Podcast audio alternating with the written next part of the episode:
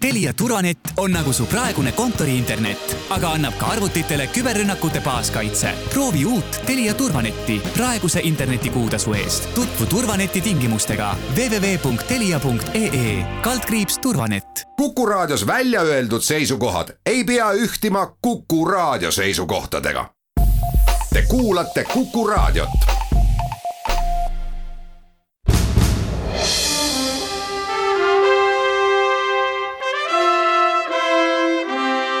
vahetund Postimehega.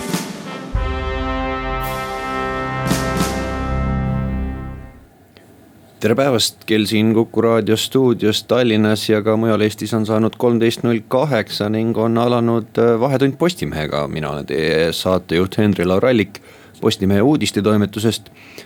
tänases saates arutleme kõigepealt äh, kahe uue ministri üle, siseminister Alan, Alar Laneman ja keskkonnaminister Rain Epler on varsti mõlemad ametis, lühikese aja jooksul ei saa me üle ega ümber ka eile õhtul lahvatanud skandaalist äh, Mailis Repsiga seoses. Saate teises pooles räägime teiega maskidest, milline on kõige tõhusam mask ning millest see sõltub ja kui aega jääb, loodame, et kindlasti jääb, äh, teeme juttu ka PÖFFist. aga kõigepealt olen äh, stuudiosse külla kutsunud äh, kolleegid Postimehe uudistetoimetusest, Aimar Altosaar. tere päevast ja meiega telefoniliinil peaks olema Võrumaa avarustest ühendunud ka Ülle Harju.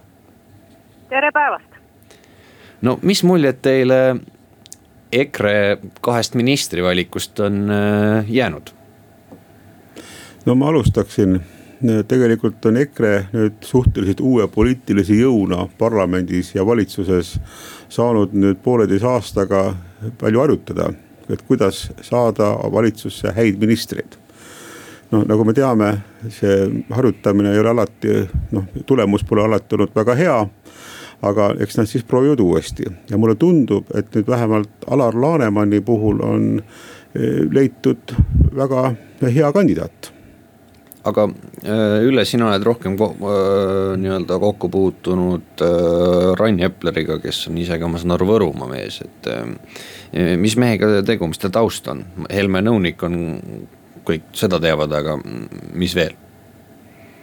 No tegu on samuti Võrumaalt pärit inimesega siis, kes täpsemalt on pärit Põlvast ja ela, elab koos perega Võrumaal ja senini on ta siin vaikselt äh, pidanud äh, väikest pruulikoda, on tegelenud ettevõtlusega mitmel viisil, kindlustuses on töötanud, on ka näiteks äh, olnud lühikest aega Rumeenias tööl, et sellise ettevõtliku inimesega on tegemist, kes, kes noh, kõige, kõige rohkem ilmselt on kursis ütleme ettevõtlusteemadega ja keskkonnateemad on tal nagu viimasel ajal vähehaaval tulnud laua peale ja mis on ka välja tulnud, ütleme intervjuudest, et tal on seal veel väga palju õppida, et, et väga vähesed valdkonnad, mida ta on jõudnud siis uurida. Ma saan aru, ta on öelnud ka nii-öelda metsandusega seoses äh, nii-öelda selliseid äh, huvitavaid asju ja ka eile äh,, kui oli juttu kliimamuutustest, siis ta vist käis need välja, et ei ole täiesti mm, inimtekkelised, mis tekitas kohe paljudes nii-öelda rohesõprades pahameelt, et mit-, Ülle, mis sa arvad, et äh, mille, mis nii-öelda Epleri peateemadeks saavad või mis liini ta seal hakkab ajama, kõigepealt ilmselt tuleb väga paljude asjadega kurssi viia, ma saan aru. Ja ta on ise ka öelnud, et ta kõigepealt üritab ennast väga paljude asjadega kurssi viia ja muidugi ta saab ka aru, et selleks on väga vähe aega et äh, eks siin inimestel mure on, et kui palju ta jõuab ennast kurssi viia, sest teemasid on palju Keskkonnaministeeriumi valdkonnas. Ja noh, kõige põletavam on ütleme metsateema, et kuigi härra Epler on olnud ju RMK nõukogus, siis äh, ega see on, seal ei ole ta kind-, kindlasti jõudnud nagu väga süvitsi minna, ütleme metsateema väga erinevate tahkudega ja noh, juba on siis äh, noh, esimesed sõnavõtud olnud sellised, mis on looduse äh, sõpru ja siis keskkonnakaitsjaid äh, suhteliselt äh, nördima pannud. et tundub, et esialgsed teadmised on sealt tööstuse poole pealt ja et tunduvad sellised, ütleme, neoliberalistlikud vaated isegi kumavad väljaütlemistest välja, et äh, kindlasti härra Epleril kõigepealt oleks tark äh, ennast kurssi viia, mida arvavad looduskaitse ja keskkonnakaitsega laiemalt tegelevad äh, asjatundjad. Võib-olla kui kuulaja ei tea, siis äh, tasub, tasub ära ka mainida, et äh, kolm aastat tagasi kohalike omavalitsuste valimistel äh, kandideeris Rain Epler sootukski Reformierakonnas, keda EKRE ise praegu väga tugevalt stigmatiseerib, aga nii palju siis Eplerist, Alar Laneman pole veel ministriks veel noh, nii-öelda juriidiliselt saanud, aga kuidas selline sõjaväe taustaga ja nõukogude sõjaväe taustaga mees siseministriks sobib ja ma saan aru, tema pigem hakkab tegema täpselt samu asju, mis Mart Helme, et seda valikut talle väga ei jäeta no seda me saame muidugi näha, kuidas ta ministrina hakkama saab. aga nüüd erinevalt jah, keskkonna, uuest keskkonnaministrist on äh, Alar Lanemani karjäär olnud ju tegelikult väga lihtne ja selge, ühe, ühe sõjamehe karjäär. alguse ots muidugi puudutab Nõukogude armeed ja siin poliit ohvitseri õpet, noh, see kõik on, jätab muidugi sihukese üsna masendava mulje, kui vaadata seda ainult nii-öelda kontekstist väljas, aga silmas pidades tema huvi ja isiksust juba noorest põlvest, nii nagu me oleme lugenud tema kohta.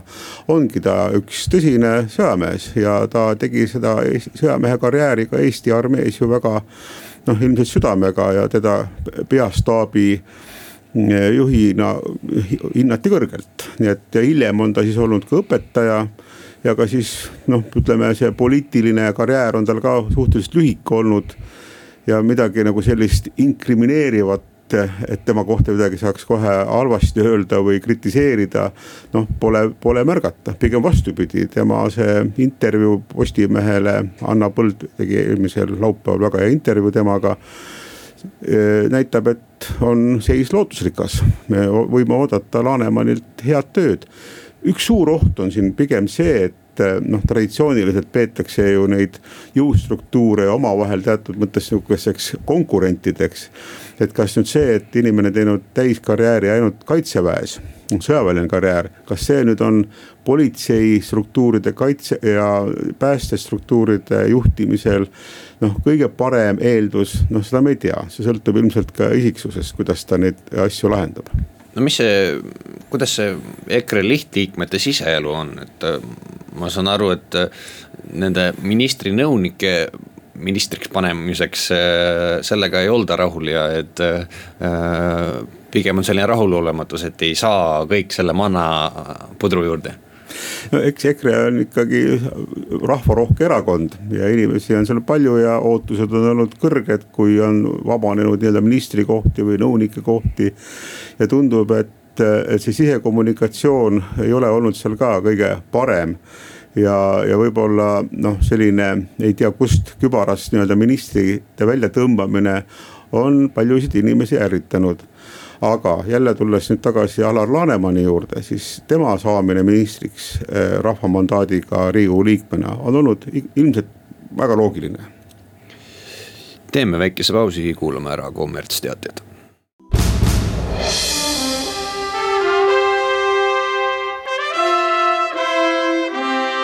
Vahetund Postimehega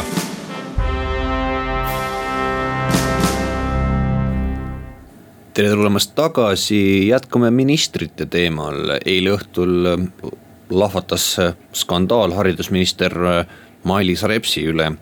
kui Õhtulehe uurimusest selgus, et Reps kasutab siis ministeeriumi vara ja autojuhti laste kooli sõidutamiseks ja muudeks era Äh, elulisteks äh, tegevusteks, no mis sellest arvata, eks peale vaadates, eks nii-öelda ju maksumaht, maksumaksja suhtes kuidagi õiglane ei tundu.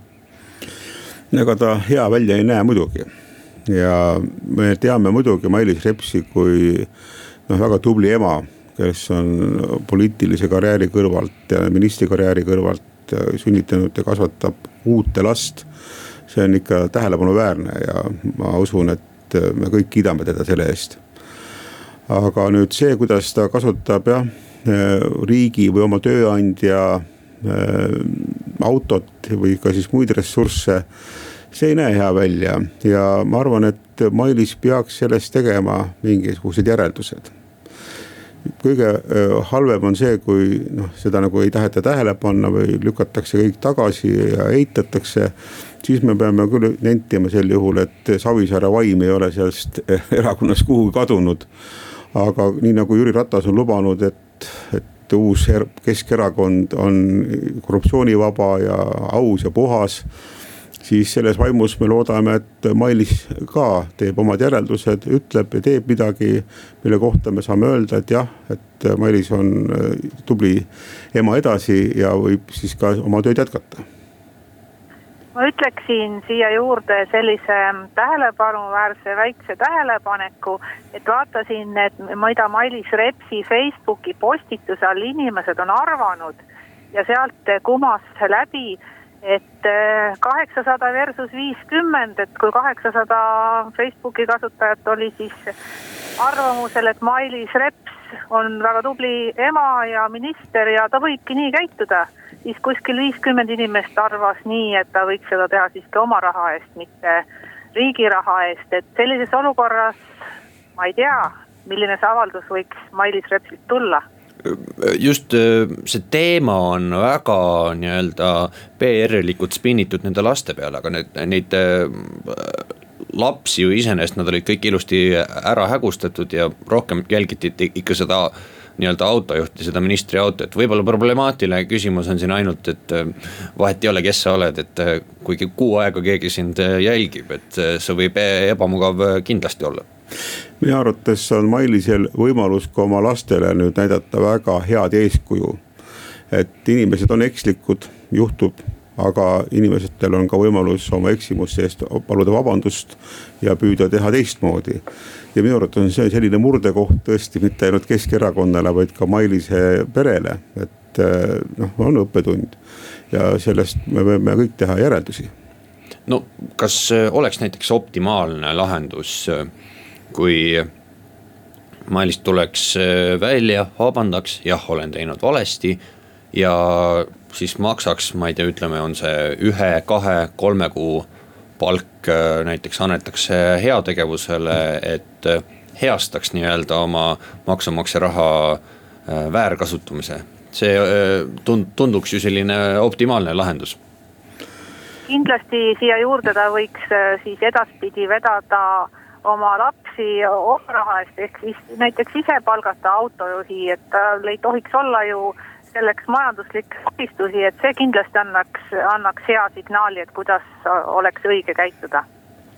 ma arvan ka, et äh, mingi järeldus ja mingi käitumise muutus on siin noh, elementaarne, siin midagi peab toimuma kõige halvem, mida saab teha, on hakata nüüd lihtsalt umbkaitses äh, kõik tagasi lükkama ja seletama ja õiendama, et et ja nii-öelda tõesti lapsi nii-öelda kilbile panema, et see oleks väga halb.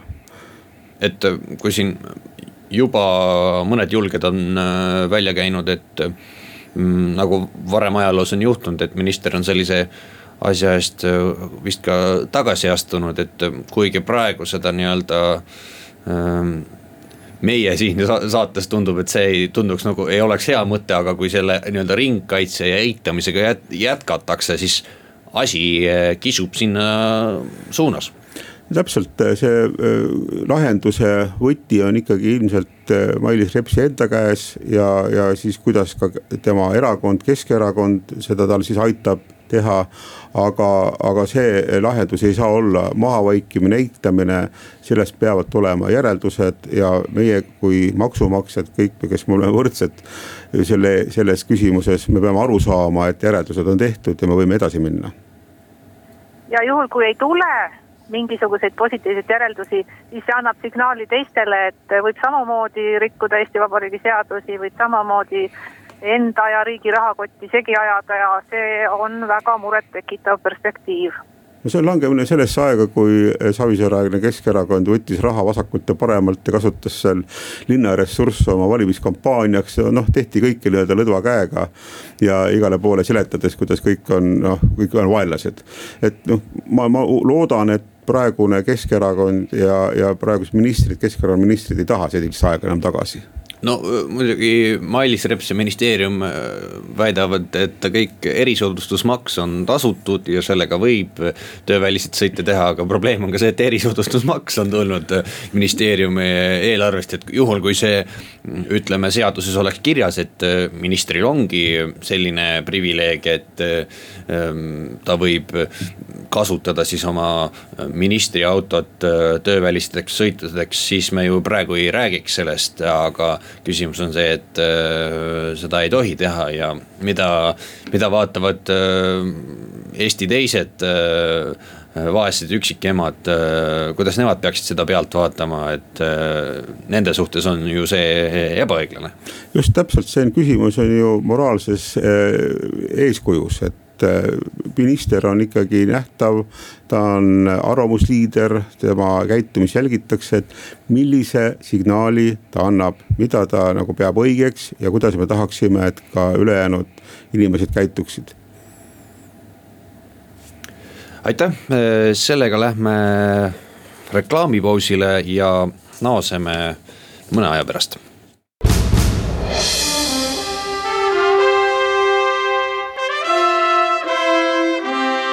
vahetund Postimehega.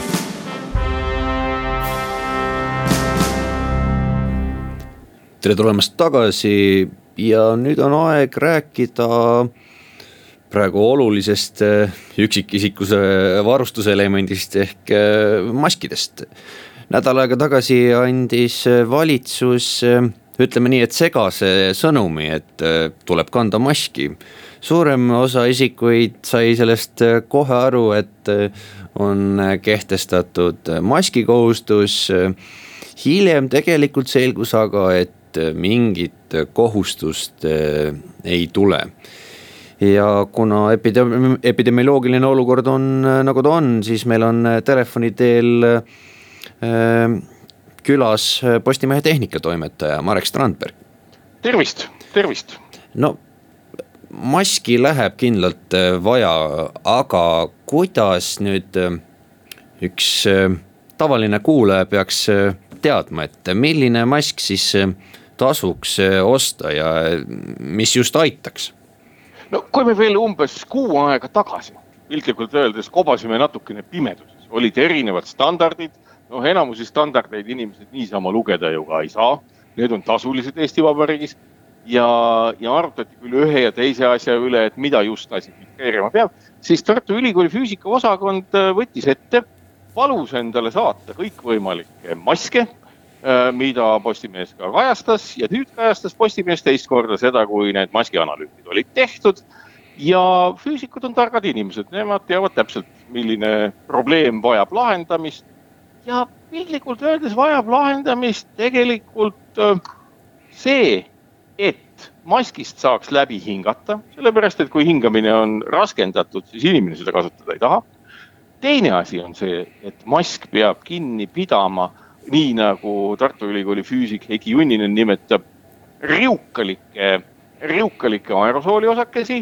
Need on kolmesaja nanomeetrised osakesed. Äh, ja ta peab kinni pidama ka suuremaid, kolme tuhande nanomeetriseid osakesi. ja nüüd on nii Postimehes kui Tartu Ülikooli kodulehelgi sellekohased tabelid olemas, kus igaüks võib vaadata, milline on selle maski hingatavus, milline on selle maski toimimisvõime kolmesaja ja kolme tuhande nanomeetri juures. ja põhimõtteliselt, kui te lähete poodi, siis te võite küsida sama asja. et kui hästi sellest maskist saab läbi hingata. Ja kas on teada, kuidas filtreerib see mask kolmesaja nanomeetriseid ja kolme tuhande nanomeetriseid osakesi aga ja pigem, pigem ma saan ja. aru, et äh, ei tasuks minna nüüd apteeki ja osta need ühekordsed äh, siis tolmu või kirurgilised maskid, vaid pigem tasuks äh, investeerida mõnda tõhusamasse, korduvkasutatavasse ja nii-öelda pestavasse maski. Just, see tundub olevat täna nii. Ja kui me veel ütleme kuu aega tagasi ei teadnud täpselt, millised on need omadused ja noh, võisime arutada selle üle, et äkki iga mask ei toimi. No,, tegelikult ei toimigi, vähene hulk saadetud maskidest toimis hästi. siis korduvkasutuse võlu ongi selles, et te saate noh, piltlikult öeldes, kui te võtate endale ja soetate kaheksa maski, siis võtate kaasa neli igapäiselt, noh rohkem te tõenäoliselt ei vaja neid. Lähete bussi, olete seal oma korduv, korduvkasutatava maskiga, tulete välja, olete keskkonnas, kus maski vaja ei ole, panete selle ühe maski kõpsti kilekotti, lähete tööle, olete seal teise maskiga, tulete tagasi bussiga, toimete täpselt samamoodi. ehk et ja õhtul pesete need lihtsalt sooja vee ja seebiga ära. see toimib täppeselt samamoodi nagu kätepesu. seep lõhub need osakesed ja teeb nad täiesti kahjutuks, olematuks ja ja see on nagu parem, kui kogu aeg kasutada ühekordseid maske, mis noh, ütleme epideemia süvenemisel nende hulk läheks väga suureks prügi mõttes, kulude mõttes. et tasuks siis osta lausa nii-öelda mitu korduvkasutatavat?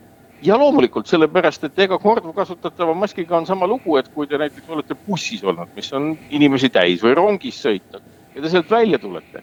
Et no okei okay,, te saate liikuda nii kaua, kuni te seda maski väljastpoolt esimest korda puudutate või, või teil on vaja midagi muud teha.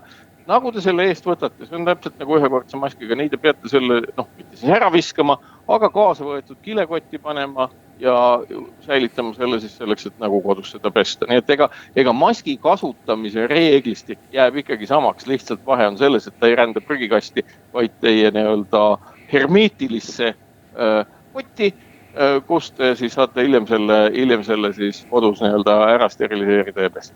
kas ma saan õigesti aru, et isegi kui ma ütlen äh,, investeerin sinna, ma sealt tabelist nägin, et on ka sada eurot äh, maksvaid mask, maski, et isegi kui oh, ma jaa. selle, selle nii-öelda ülikalli äh, maski ostan, kui ma peaks juhuslikult nii-öelda rikas olema, et isegi see ei pruugi mind äh, päästa ja seal on äh, veel olulisem tegur. ja see ongi niimoodi selles mõttes, et sealt tulebki välja, et äh, kaitsvaid korduvkasutatavaid maske võib osta ka väga odavaid ja väga kalleid ja mittetoimivaid korduvkasutatavaid maske võib ka osta väga kalleid ehk omadust peab teadma. see on nüüd ka väljakutse müüjatele ja tootjatele, et kui tänasel hetkel me oleme näidanud, et ühiskonnas eksisteerib võimalus kindlaks teha selliste kaitsemaskide, korduvkasutatavate kaitsemaskide omadusi, siis tegelikult on noh, ka müüja või tootja vastutus see, et ta selle kindlaks teeb, sellepärast et koroonaviiruse olukord on täiesti uudne. me võime kindlalt öelda, et jah, respiraatorid, jah, ühekordsed maskid, mis on mõeldud arstidele, nad kaitsevad tõepoolest kõige vastu aga õhufiltratsioon ju, õhufiltratsioon äh, ruumis võib ikka selle nii-öelda elimineerida, kui need osakesed ühe koha peal seisavad ja nii-öelda ma saan aru, et ei, ei, ei maandugi lõpuks põrandale. see on jah, see teine nii-öelda saatanlik aspekt, mis on koroonaviiruse juures, on see, et kui nüüd rääkides haige inimene kõneleb, tuleb suust välja selline kergete nendesamade saatanlike või riukelike osakeste pilv ja kui ruumis ei ole mitte mingit õhuliikumist, väga tugevat õhuliikumist, ventilatsiooni ei ole, õhku ei vahetata, siis see pilv jääb hõljuma ja seisva õhuga ruumis kukub selline piisk ühe tunni jooksul alla kaks millimeetrit maa poole. ehk kujutate ette, seisva õhuga ruumis käib inimene, kes on haige, askeldab seal täiesti üksinda, läheb sealt ruumist välja, temast jääb järgi, räägib telefoniga näiteks või teeb midagi muud. ja temast jääb järgi selline nii-öelda viirusosakestega pilv ja tuleb sinna uus inimene, ta ei tea, kes selles ruumis oli. ta hingab seda sisse, ta jääb haigeks ja see on üks osa nendest äh, juhtumitest, kus terviseamet ütleb, me ei tea, kust inimesed nakkuse said. ja Oli... see tähendab seda, et lisaks maskile peab olema garanteeritud ka ruumides, siseruumides võimalikult hea ventilatsioon. ja, ja. ühesõnaga aknad, aknad lahti iseenesest see juba kohe aitaks seda aknad lahti aitaks, kui ruumis ei ole ventilatsioonisüsteemi ja tegelikult, kui me räägime restoranidest, kohvikutest, kooliklassiruumidest või mis iganes suletud ruumidest, siis mõistlik on sinna üles panna süsihappegaasi andur, mis maksab võib-olla sada, paarsada eurot tänasel hetkel ja selle pealt on näha näit, mis näitab, kui palju selles ruumis on süsihappegaasi. kui see kogus ületab juba viitsadat, kuutsadat, tähendab seda, et ventilatsioon ei tule toime inimeste poolt välja hingatava süsihappegaasi ärakorjamisega ja õhu ventileerimise ja uuendamisega. Ja siis on seal ilma maskita olla riskantne, aga noh, ütleme maskiga muutub riskantseks see, kui ruumis on noh, süsihappegaasi sisaldus seal tuhat, kaks tuhat küll aga, küll aga on nüüd valitsuse nii-öelda tugeva suunisega tekkinud ka oluline silmnähtav vastasleer ja. eile ma käisin tänava peal inimesi ka küsitlemas, et kuidas nad maski kandmisesse suhtuvad ja seda skeptilisust oli palju, ma isegi sain teada, et äh, mask võib hoopis minu immuunsüsteemile kahjulik olla, et mis nende inimeste kohta kosta, et kas seda mm, leeri sellises tugevas pandeemia olukorras on võimalik maski usku pöörata? no siin on inimeste, seda, seda toetab mõnes mõttes paljude inimeste isiklik kogemus, kui nad panevad ette maski ja hakkavad hingama. Ja ütleme, see maski läbihingatavus on kehv siis nad tunnevad, et see hingamine on raske ja nad püüavad oma hingamist muuta rohkem pindmiseks, nad hingavad väiksema kopsumahuga.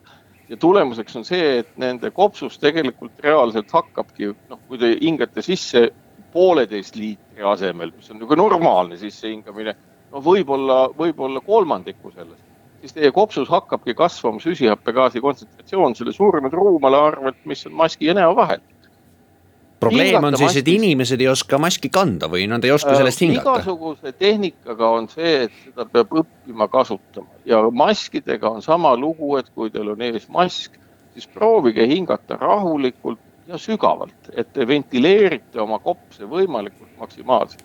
ja kui te ei suuda läbi selle maski hingata, siis tegelikult see mask on ebakvaliteetne ja te peaksite leidma kergemini läbi hingatava maski, sellepärast et vastupidisel juhul teile kinnistubki arusaam, et mask ei toimi. inimesed levitavad seda arusaama ja lõppkokkuvõttes levitavad inimesed ka viirust, kui nad loobuvad maskist kui sellisest, mitte saades aru, et maskidel on väga erinevad läbihingatamised. lõpetuseks äh, jääb ikkagist see vastasleer, kes väga nii-öelda tugevalt nii-öelda maski vastu protesteerib.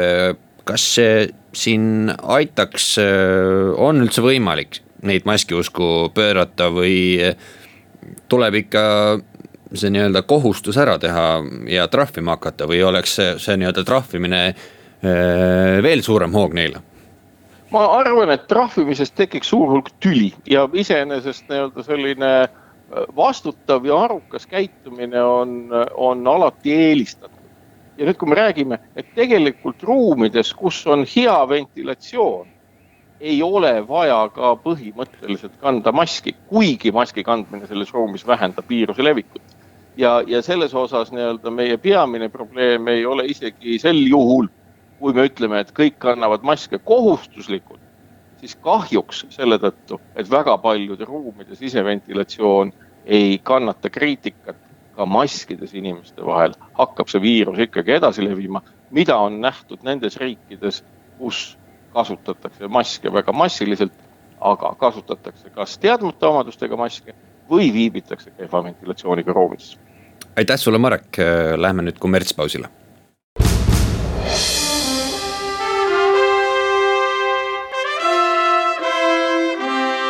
Vahetund Postimehega.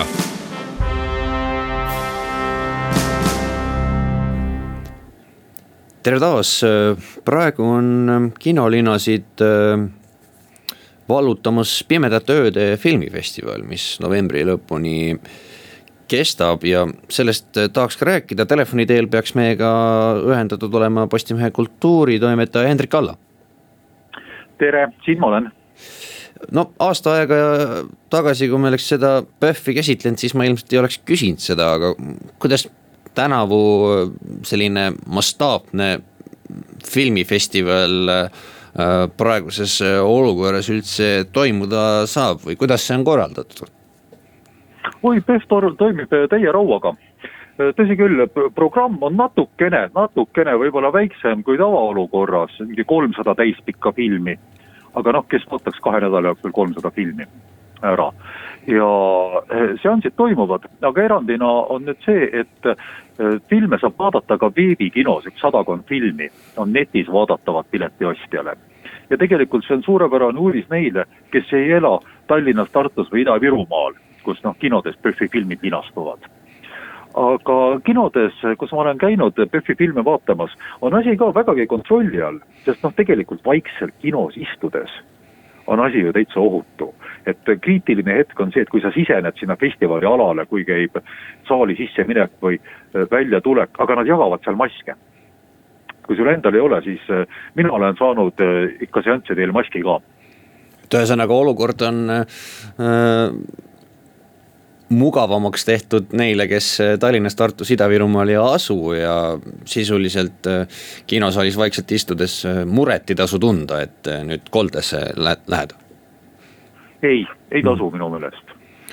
no kuule, et. jumal tänatud, jah. et äh, lähme sisu juurde, et kuulajad, kes kindlasti kõikide detailidega kursis ei ole, seal üle kolmesaja filmi on, huvitab, et mis need pärlid on, et sina kui nii-öelda filmiekspert oskad kindlasti välja tuua?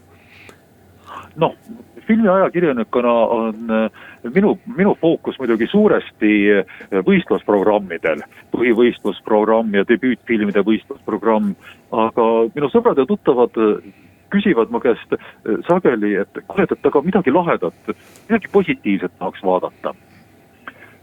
no ja välja vaadates ja mis kõike mind ümbritseb, ma saan neist täiesti aru. Et see soovitused küll annaksin. ma eile just vaatasin vahvat filmi Haaberist. see on Tšehhi režissöör äh, Slavek Horov. ja kui see äh, film Tšehhimaal linastus, siis põhjustas see suure-suure skandaali. et kuidas on võimalik meie vahvat presidenti äh, kujutada sellise siilikukütist tossikesena ja film ise, ma hoiatan kohe ära, tegelikult kõi-, kõigub farsi ja kämbi vahepeal ja seal on mingisuguseid no nii lamedaid kujundeid, et äh, tahaks vahepeal silmad katta, aga samas on see hüsteeriliselt naljakas film. näiteks me saame teada, kuidas elasid äh, Tšehhi dissidendid karmidel seitsmekümnendatel. Nad sõid kalkunit, mis on täidetud pardiga, mis on täidetud tuviga, mis on täidetud kaaviariga et see on täiesti lustakas vaatamine ja see film muide on minu meelest kuni homme lõunani sealsamas veebikinos vaadatav ma saan aru, et nii-öelda Eesti maa, maastikul on oodata reedest päeva, kui esilinastub Taani, Belgia, Eesti koostöös valminud Erna on sõjas, mis ka no kus vähemalt olulised nii-öelda stseenid filmiti siinsamas Lõuna-Eestis. ja reedel toimub selle maailma esilinastus, nii et selle kohta ma ei oska nagu isiklikust seisukohast midagi öelda, kuidas see välja kukkus.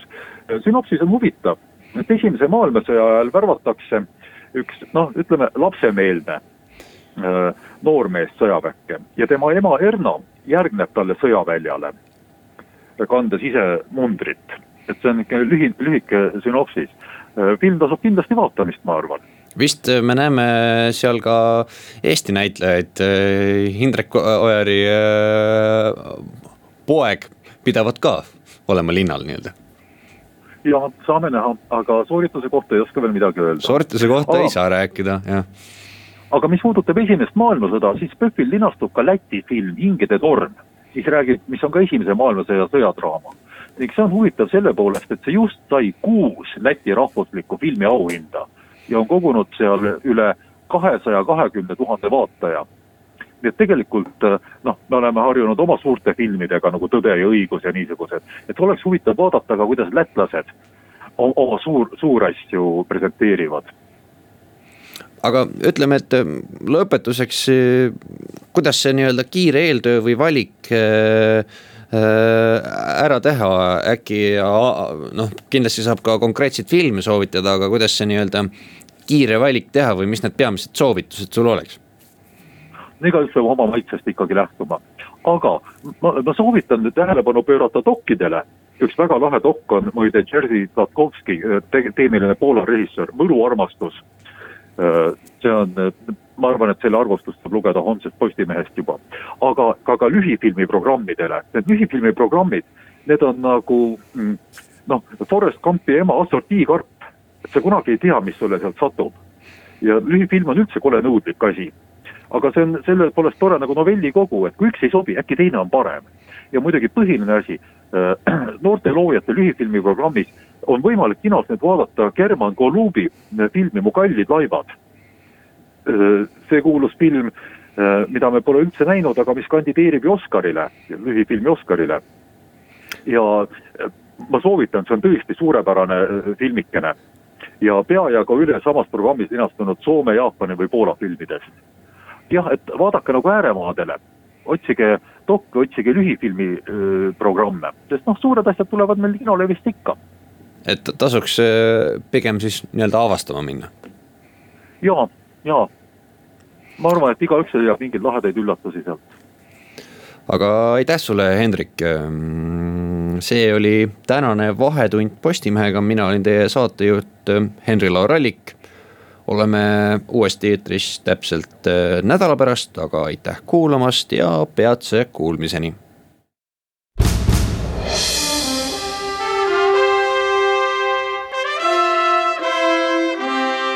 vahetund Postimehega